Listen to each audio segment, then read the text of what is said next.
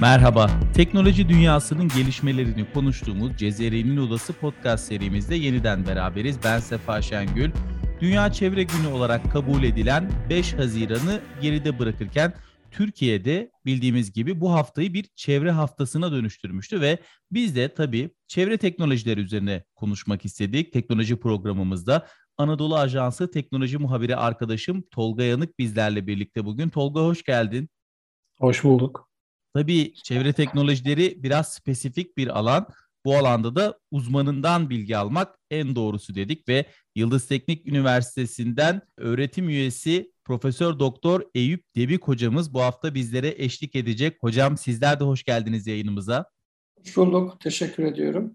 Hocam şöyle bir başlangıç yapalım istiyorum müsaadenizle. Hızlı bir giriş yapayım aslında. Sanayi devrimiyle birlikte biliyoruz ki bambaşka bir çevre anlayışı, hatta çevrenin tarihi de bu minvalde bir değişiklik gösterdi. Özellikle teknolojinin önce biraz olumsuz etkilerinden bahsedelim istiyorum çevreye. Sanayi devrimi sonrası atıklar, e, modern teknolojinin çevreye verdiği zararlar ve bunların özellikle son yüzyılda doğaya ve insanlığa etkisiyle başlayalım hocam diyorum. Biraz bunlardan bize bahsederseniz sanayi devriminden sonra tarihsel olarak neler değişti çevrede buyursunlar. Şimdi tabii olumsuzluklardan bahsetmeden evvel aslında olumsuzluğun ne olduğunu bir ifade etmek lazım. Günümüzde çevre kirliliği, çevre kirliliği diye sürekli zikredilen bir kirlilik deyimi var. Herkesin ağzında çevre kirliliği. Nedir bu çevre kirliliği? Önce ona bir bakmak lazım. Çevre kirliliği dediğimiz şey aslında doğada var olan dengenin bir şekilde bozulması. İnsan marifetiyle çoğunlukla gerçekleşiyor. Normalde doğa kendi süreci içerisinde bir takım atıklarını vesaire çok rahat temizleyebiliyor. Ancak doğanın bir temizleme kabiliyeti var. İnsanların müdahalesi de bir noktaya kadar temizleniyor. Daha sonrasında eğer bu müdahale yüksek miktarda olursa işte o zaman doğa artık temizleme kapasitesini kaybediyor ve biz dengeyi bozmuş oluyoruz. Bu sebeple de artık çevre kirliliği gündeme gelmiş oluyor. Şimdi insanoğlu var olduğu günden bugüne aslında bir takım ihtiyaçları var ve bu ihtiyaçlarını bir şekilde gidermek zorunda.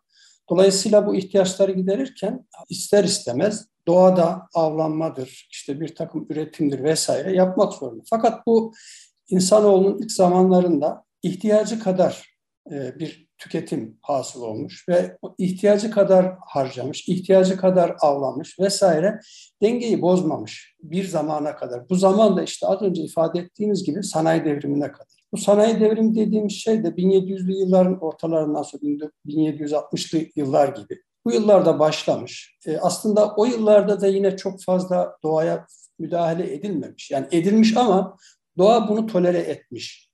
Ta ki 1900'lü yılların başlarına kadar doğa bir şekilde mücadele etmiş. Ancak 1900'lü yıllardan sonra artık doğa demiş ki benden bu kadar. Artık siz yaptıklarınızla baş başa kalın demiş bir bakıma. Ve e, insanoğlu da bunun farkına maalesef çok geç varmış. Yani 1930'lu yılların sonlarında insanlar e, ya e, işte doğa artık bize ters cevap veriyor. Artık biz hastalanıyoruz. İşte insanlar anlık birçok ölümlere maruz kalıyor vesaire. İşte kanser gibi, gerçi 1930 yıllarda kanser ne kadar tespit edilmişti onu bilmiyoruz ama dolayısıyla insanlar bu rahatsızlıkları gördüklerinde demişler ki biz herhalde biraz doğaya haksızlık ettik. Biz o zaman bunun önlemini almamız lazım demişler.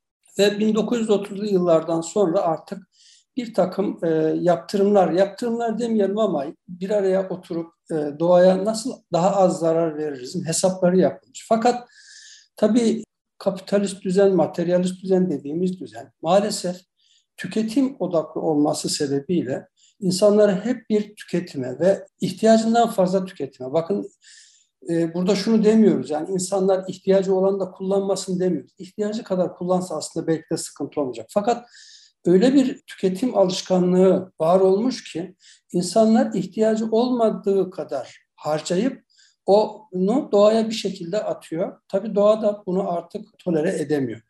Ve bu sebeple işte uluslararası devletler bir araya gelip 70'li yıllarda ilk sözleşmeyi yapıyorlar. İşte Dünya Kültürel ve Doğal Mirasının Korunması Sözleşmesi'ni 72'li yıllarda yapıyorlar. Aynı yıl 5 Haziran'da işte Stockholm'da toplanıp Dünya Çevre Günü ilan ediyorlar gibi böyle bir takım artık sözleşmeler ve e, yaptırımlar e, koymaya çalışıyorlar. Ama yine de maalesef yani o yıllarda dahi e, hani şu an gelişmiş ülke dediğimiz ülkeler belki burada biraz bam teline dokunacağız ama yani o ülkeler hala üretimlerinden vazgeçmemişler. Ve hatta fazlasıyla üretip işte geri kalmış veya gelişmekte olan ülkelere e, satış yaparak gelişmişler, sürekli gelişmişler. Sonrasında tabii onlar yeterince dünyayı kirletmişler. Kirlettikten sonra akılları başlarına gelmiş tabiri caizse. Ondan sonra demişler ki ya bir takım önlemler alalım. Ne alalım işte gelin işte sera gaz emisyonlarını azaltalım demişler. İşte Kyoto protokolü diye protokol çıkmış ortaya. Amerika biliyorsunuz yıllarca imzalamadı. Hala da imzaladığını düşünmüyorum. İşte sera gaz emisyonlarını azaltalım. Neden? Dünyayı işte sera gaz emisyonlarıyla kirletiyoruz. İşte ısınmasına sebep oluyoruz diye. Ve bu sebeple bütün dünya ülkeleri bir araya gelip böyle bir bildirgeye imza atmışlar. Daha sonrasında işte Paris Sözleşmesi yapılmış gibi bu tarz çalışmalarla bir şekilde doğaya verdiğimiz zararı engellemenin veya azaltmanın yolunu tutmuşlar. Ancak günümüze döndüğümüzde şöyle bir baktığımızda yaşam tarzımız maalesef yine doğaya saygılı bir yaşam tarzı mı tartışılır. Belki bunu daha ilerleyen şeylerde, e, sorularınızda biraz daha açarım. Burada ben e, evet hocam. varsa ben, es vereyim. Evet hocam çok güzel özetlediniz. Yani tarihsel perspektifini çok güzel çizdiniz. Bu noktada geldiğimiz noktada bildiğiniz gibi yani sanayi devrimi artık e, işte teknolojik üretimin de öncülük ettiği bir noktaya erişti ve şu anda dediğiniz gibi tüketim odaklı çok ciddi üretimler gerçekleştiriliyor. Teknoloji üretimi çevreye de olumsuz bir etkisi var ama aynı zamanda teknoloji çevreye dair bu olumsuz etkilerin azaltılması için de kullanılıyor. E bu noktada çevre teknolojileri konuşuluyor. Çevre teknolojileri dediğimiz zaman ne anlamalıyız ve bu alanda nasıl bir teknoloji karşımıza çıkıyor? Şimdi tabii bizim derslerimizde özellikle vurguladığımız bir şey var. Atığı kaynağında azaltma. Yani bir ürün üretecekseniz o ürünü üretirken öncelikle çevresel bir yaklaşımla atığını ne kadar az üretecek şekilde ben bu malzemeyi üretirim ona odaklanmamız gerekiyor. Tabii yine biliyorsunuzdur sürdürülebilir çevre, sürdürülebilir ekonomi gibi kavramlar var. Dolayısıyla bu kavramların içi çok boş kavramlar değil, çok isabetli aslında söylenmiş şeyler. Sürdürülebilir çevre dediğimiz zaman bizim aklımıza şu geliyor. Bir kere bir ürün üreteceksek o ürün ekonomik olacak. Yine o ürün çevreye zarar vermeyecek, topluma faydalı olacak. Yani üç ayağının üçü de sağlam olacak. Siz bir ürünü ekonomik olacak diye çevreye zarar verecek bir şekilde üretemezsiniz. Bir ürünü topluma salt faydası olacak diye çevreye ve ekonomiye hiç bakmaksızın üretemezsiniz. Ya bunun üçünün de dengeli olması lazım. İşte böyle yaptığımız zaman sürdürülebilir çevre veya sürdürülebilir ekonomi dediğimiz şeyi mütemadiyen devam ettirebiliriz. Şu anki günümüzde mesela 1990'lı yıllarda kurşunlu e, benzin vardı. Belki sizler hatırlarsınız hatırlamazsınız bilemiyorum ama biz bunları yaşadık. Sonrasında dediler ki kurşunlu benzin kullanılmayacak, yasaklanacak. Ve şu an kullandığımız bütün ürünler kurşunsuz yani benzin açısından söylüyorum. Ondan sonra işte mesela şu an dizel yakıtlarda geldiğimiz nokta özellikle Avrupa'da artık dizel yak, e, yakıt kullanan ürünler üretilmemeye başlandı. E, dizel araçlar atmosfere biraz daha fazla kirlilik veriyor. Onun verdiği kirliliği minimize etmenin bir gayreti var. E, bir taraftan da bakıyoruz işte elektrikli araçlar üretiliyor veya hibrit araçlar üretiliyor. Onun e, sebebi ne? İşte bu fosil yakıtlı yakıtları kullanmayan, daha az kullanalım ve işte atmosfere daha az salınım yapalım tarzında hedefler.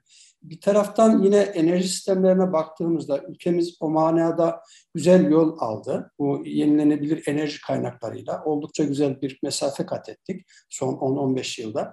Dolayısıyla enerji çeşitliliğinde de e, yenilenebilir enerjiye doğru bir kayma düşüncemiz var ve bütün dünya artık aslında bu yöne doğru kaymış vaziyette. E, ve bunlarla biz ne yapmış oluyoruz? Hep atmosfere saldığımız gazları minimize etmeye çalışıyoruz. Artı kullandığımız doğal kaynakları daha az e, kullanarak e, bu doğa hani az önce bahsettiğim o doğal dengeyi bozmamaya gayret ediyoruz. Tabii Bir yandan da o fosil yakıtlardan işte bir takım atmosfere salınacak gazlardan sıfır mertebesinde vazgeçmemiz maalesef çok zor. Yani insanoğlu yaşarken veya bir takım aletleri, makineleri kullanırken mutlaka atmosfere bir şeyler atıyoruz. Mutlaka fosil yakıt kullanıyoruz bir şekilde. Ama bunları az önce bahsettiğim gibi doğanın dengesini bozmayacak şekilde ve e, mümkün olduğunca atmosfere daha az atık atacak şekilde gerek kullandığımız araçların modifikasyonunu ona göre yaparak gerekse kullandığımız yakıtı daha az kullanarak bu şekilde davranırsak o dengeyi e, daha az bozarız ve bu tabii bu dengeyi ne kadar az bozarsak ve doğanın o yürüyen dengesine ne kadar az dokunursak e, doğa kendini süreç içerisinde yenileyecektir. Yani mesela belki duymuşsunuzdur vaktiyle akan su kir tutmaz diye bir deyim vardı. Hiç duydunuz mu bilmiyorum. Sorayım evet, evet, evet hocam. Evet, evet hocam. Yani evet böyle bir şey var ama bu doğru. Akarsu kir tutmaz. Ancak bu bir yere kadar kir tutmaz. Nereye kadar? İşte o akarsu verdiğimiz kirleticiyi tolere edeceği zamana kadar, miktara kadar hakikaten kirlilik tutmaz. Ancak siz e, bu kirliliği vermeye devam ederseniz akarsu bir müddet sonra diyecek ki artık benden bu kadar. Ben bundan sonrasını arıtamıyorum. E, artık sen bana daha az kirletici ya verirsin veya benden artık istifade edemezsin diyecek. Ve şu an etrafımızdaki birçok akarsu maalesef bu nispette. Doğada da bu denge var. Yani bu dengeyi sürekli doğa gözetiyor aslında. Vaktiyle bir hocamız, e, Almanya'dan bir hocamız katılmıştı. Hanover'de bir e, nehir varmış. O nehir 1970 yılında yani resmen lağım akıyor imiş. 1970 bakın bundan yaklaşık 50 yıl önce. 50 yıl sonra şu anki durumu nasıl? Şu an orada berrak su akıyormuş. Neden? Çünkü artık o nehir kirletilmiyor. İşte veya verilen e, atık su kaynakları arıtılmış atık su kaynakları olduğu için herhangi bir zarar vermiyor oraya. E şimdi bizim ülkemize bir dönelim. Ne zaman başladık biz bu işlere? Maalesef 2000'li yıllardan sonra başladık. Artık su arıtmamıza 2000'li yıllardan sonra başladık. Sularımızı daha düzgün arıtmaya başladık vesaire. Hep ben şunu diyorum. Yani Almanya 50 yılda buraya geldiyiz. Hadi biz daha çok hızlı gidelim. 30 yılda 40 yılda gelelim. Maalesef bu zamanı geçmemiz gerekiyor. Yani e, verdiğimiz zarar 10 yılda veriyorsunuz belki bir zararı ama onu telafi etmenin süresi 15, 20, 30 yıl yani akarsuyun tipine göre ve verdiğiniz yine hala kirleticilerin durumuna göre uzun bir zaman alabiliyor. Dolayısıyla bizim öncelikle kaynakta yani kirletmeyi bizim azaltmamız lazım. Tamam kirletmeyi bir noktaya kadar işte kaynakta azalttık. İşte üretimi e, daha düzgün yaptık. Daha az atık su çıkardık. Ne bileyim işte biz insanlar olarak e, malzemeleri kullanırken daha tasarruflu, daha dengeli, daha bizim e, ihtiyaçlarımıza özgü kullandık ama yine de bir ne olacak? Atık çıkacak. O zaman bu atıkları ne yapacağız? İşte şimdi e, ülkemizin de sıfır atık diye ifade ettiği işte atıklarımızı geri kazanalım. E, atık öncelikle atık atmayalım. Atık atarsak da o atıkları geri kazanalım. O zaman ne yapacağız? Biz bir takım teknolojilerle işte gerek atık suda gerekse katı atıklarda geri kazanım teknolojileri var. Bu teknolojilerle atıklarımızı geri kazanmamız lazım. Atıkların geri kazanımı e, çok önemli bir husus. Yani Şöyle örnek verelim. Bir ham maddeden yani bir demir elde etmek için şu an o konuyla ilgili uzman değilim ama 10 birim enerji sarf edecekseniz belki bir atık materyalden, atık metalden yeni bir metal elde etme işini belki bir birimden, iki birimden elde edeceksiniz. Dolayısıyla burada müthiş bir enerji ve maliyet kazancınız var. Bizim ne yapmamız gerekiyor? Atıkları bir kere geri kazanmamız gerekiyor. İşte bir kağıdın 4-5 kez geri kazanılabildiği ifade edilir. İlk baştan itibaren e, birinci sınıf hamur bir kağıt kullanırsanız eğer e, o kağıdın işte en son e, ifade edilen işte bu yumurtalarda kullanılan o mukavva var ya o mukavvaya kadar geri kazanabilir. Ondan sonrası artık hakikaten kazanılamıyor. Tamam oradan sonrasında kazanmayalım zaten ama en azından oraya kadar bir şekilde bunu döndürelim.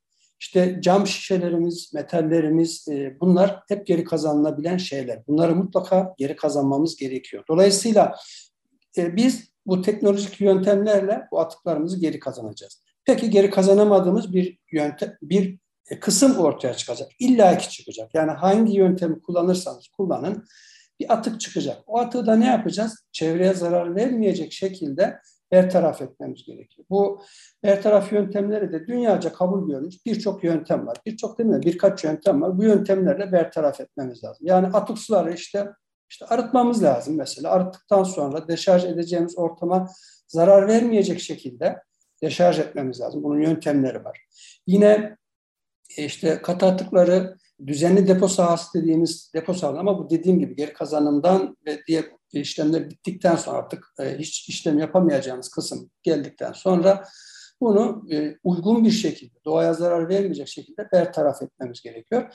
Veya işte yakma yöntemleri var. Yakma yöntemleri hem enerji kazanırız hem de atığı yine e, maalesef orada da bir şey çıkıyor. Kül dediğimiz bir şey çıkıyor. Yaksak da kül dediğimiz bir şey çıkıyor kül dediğimiz boyuta indirgeyip yani ki o da çok küçük bir miktar onu yine düzenli bertaraf sahası dediğimiz bertaraf sahalarında bertaraf edebiliyoruz.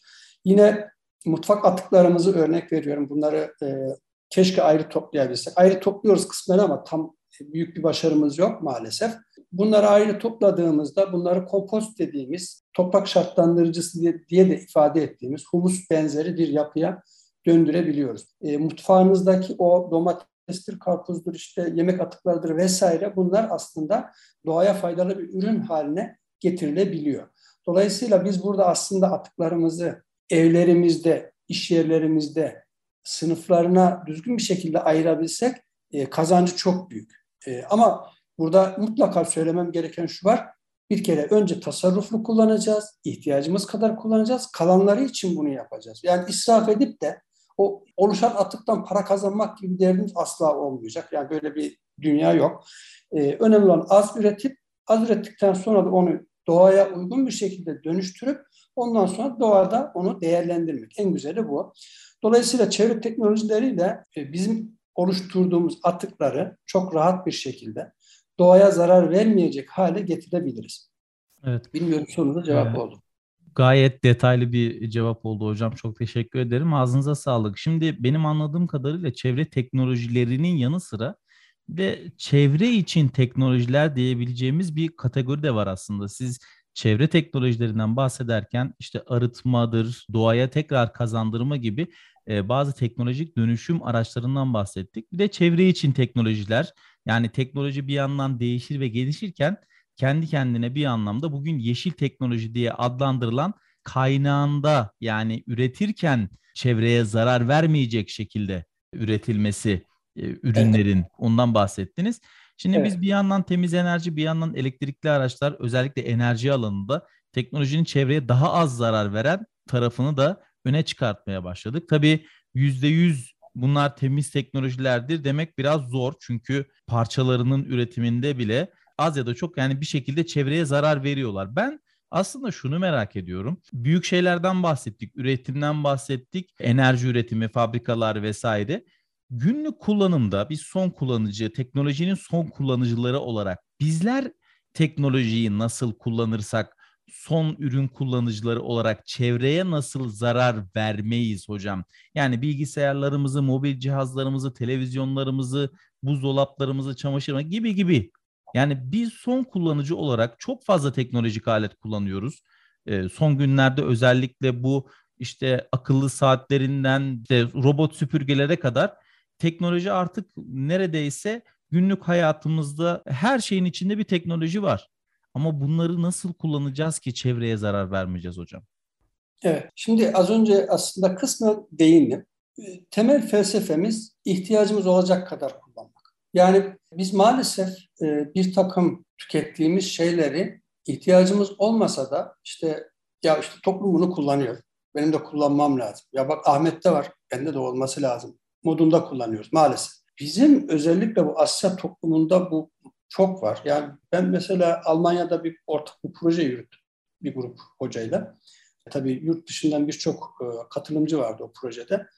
Yani Alman arkadaş vardı. Artık Almanya'da yetişmiş bir Türk arkadaşımız vardı. Onların giydiği elbiseler yıllarca değişmedi neredeyse. Aynı elbiseler neredeyse giyiyor. Ama bize bakalım her gün bir takım elbise giyiyoruz, her gün bir gömlek giyiyoruz vesaire. Tamam yani hep sürekli değiştiriyoruz. Yani eski mese bile değiştiriyoruz. Böyle yani ihtiyacımızdan çok fazla bir kullanım şey var. Yani eskiden mesela insanlar hani benim çocukluğumu tabii bu ille de bu şekilde olsun demiyorum ama Ya bir dengeyi bu, bulmamız lazım. Bir şekilde bulmamız lazım. Ben çocukluğumda mesela babam bana işte bir tane takım elbise yaptırırdı lisedeyken.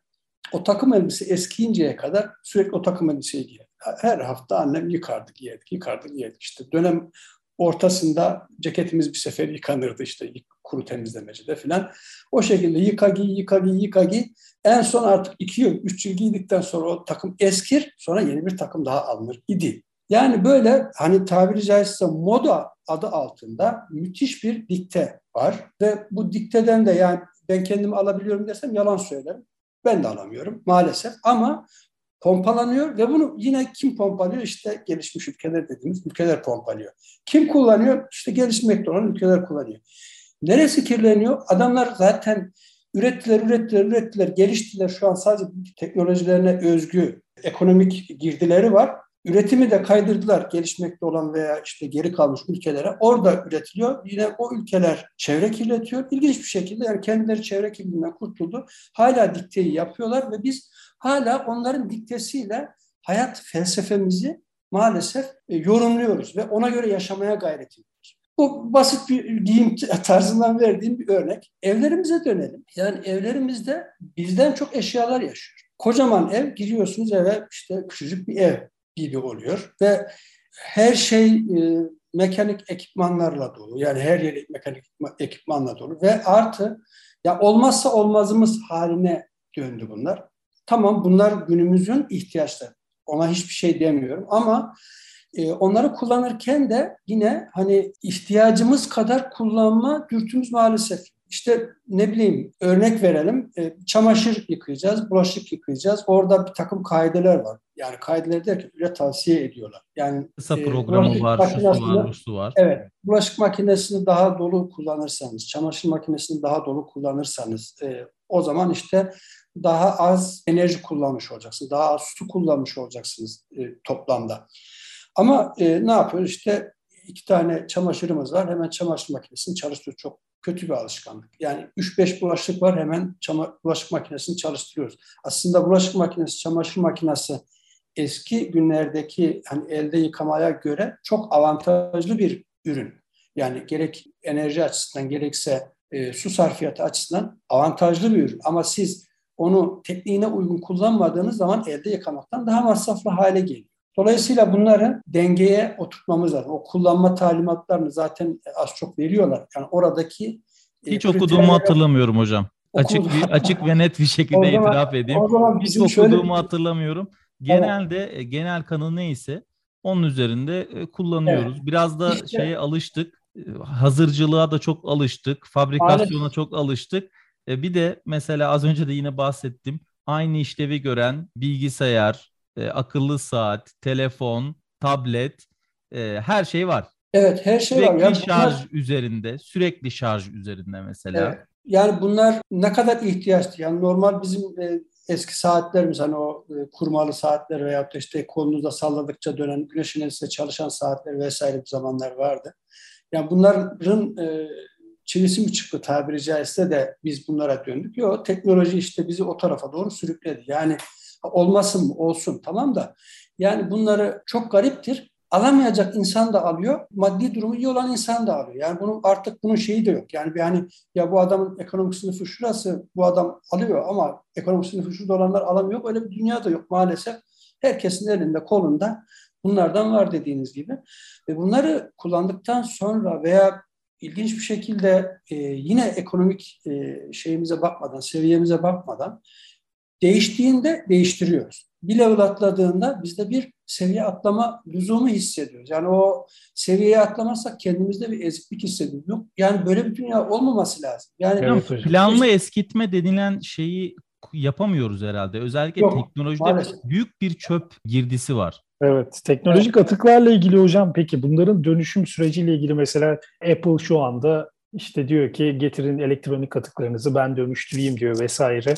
Bu elektronik atıkların dönüşümü de ciddi bir konu değil mi çevre açısından? Evet, evet kesinlikle. Yani her ürünün dönüştüğü gibi elektronik atıklar da dönüşebiliyor. Ülkemizde dediğim gibi hala canlanmış vaziyette değil ama mesela bizim kampüsümüzde elektronik atıkları koyacağımız kutularımız var.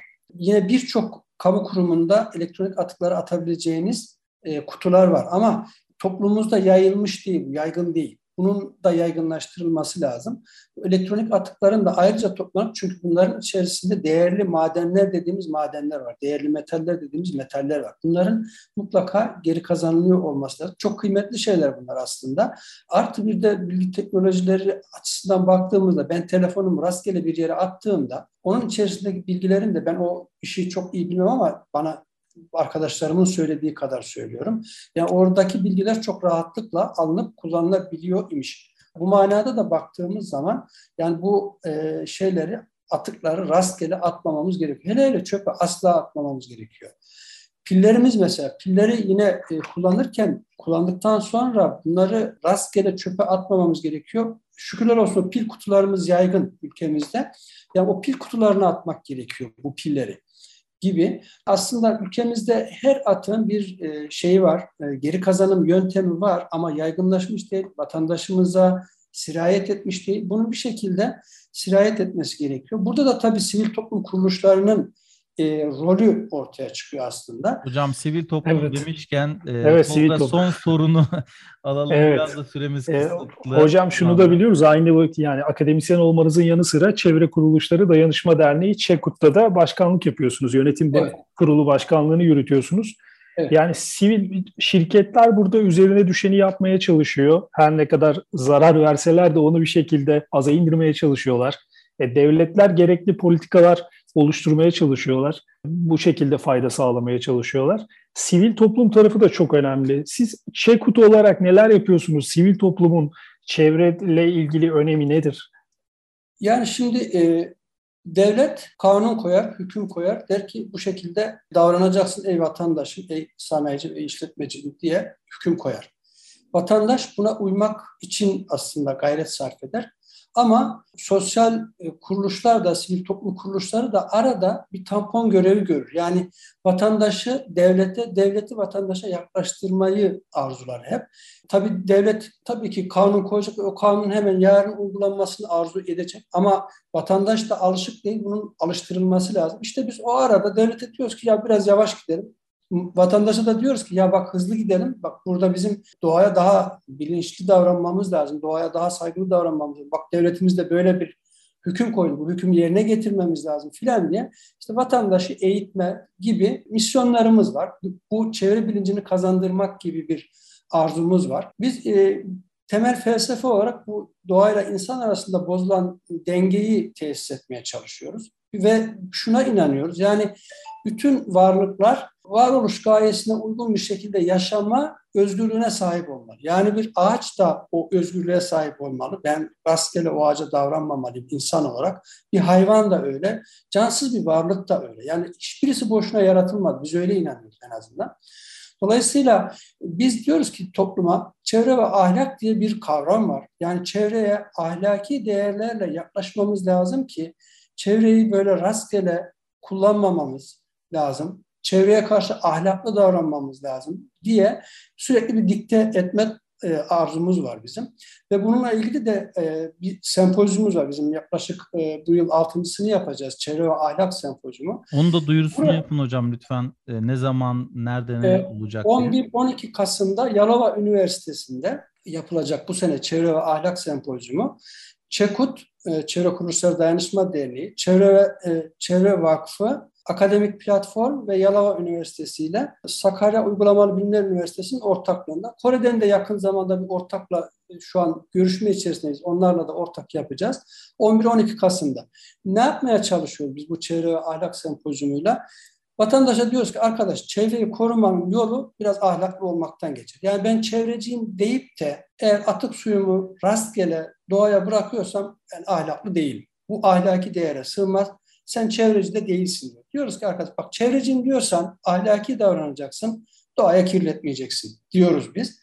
Ve o, o sempozyumlarda bunu dikte etmeye çalışıyoruz. Yani bunu insanlara bir bilinç olarak aşılamaya gayret ediyoruz. Böyle bir gayretimiz var. Yani çevre ahlakı olmadan çevrenin kurtuluşu biraz zor gibi görünüyor. Yani sadece teknoloji bir yere kadar. Biz eğer toplum olarak, birey olarak üzerimize düşeni yapmazsak sadece teknoloji arıtmada ne bileyim işte bir takım e, geri dönüşümde falan yeterli gelmez. E, bir kere kirletmememiz gerekiyor. Duyarlı davranmamız gerekiyor. Duyarlı davranırsak doğa zaten kendini bir şekilde bizim verdiğimiz o küçük kirleticilerden dolayı kendini temizliyor. İşte burada hep çevre ahlakı devreye giriyor ve STK'lar devreye giriyor. İşte STK'lar toplumun bilinçlenmesinde, toplumun e, yanlışlarının düzeltilmesinde e, katkı üretmeye çalışıyor. İşte e, tabii devletin yanında olması lazım diye düşünüyorum ben. Yani çünkü devlet ve millet için var olması gerekiyor bu sivil toplum kuruluşlarının. E, dolayısıyla e, faydalı olan her şeyde mutlaka e, toplumun ve e, devletin yanında olması lazım. Ama e, devlette bir hata yapıyorsa orada da e, ya burada yanlış yaptın diye uygun bir lisan ile de onu uyarması lazım diye düşünüyorum. Evet. Hocam çok teşekkür ederiz. Ağzınıza sağlık. Gerçekten çok dolu dolu bir program oldu. Biz hem çevreyi konuştuk hem de çevre teknolojilerini konuştuk. Çevre için teknolojileri konuştuk, değerlendirdik. Çok teşekkür ediyorum tekrardan. Bu haftaki programımızı bitiriyoruz. Cezeri'nin Odası podcast bölümümüzün sonuna geldik. Anadolu Ajansı Teknoloji muhabiri arkadaşım Tolga Yanığı ve tabii ki konuğumuz e, Yıldız Teknik Üniversitesi öğretim üyesi Profesör Doktor Eyüp Debi'ye verdiği bilgiler ve kıymetli yorumları için teşekkür ediyorum. Bir Cezeri'nin Odası podcast bölümümüzü de burada noktalıyoruz. Hoşçakalın.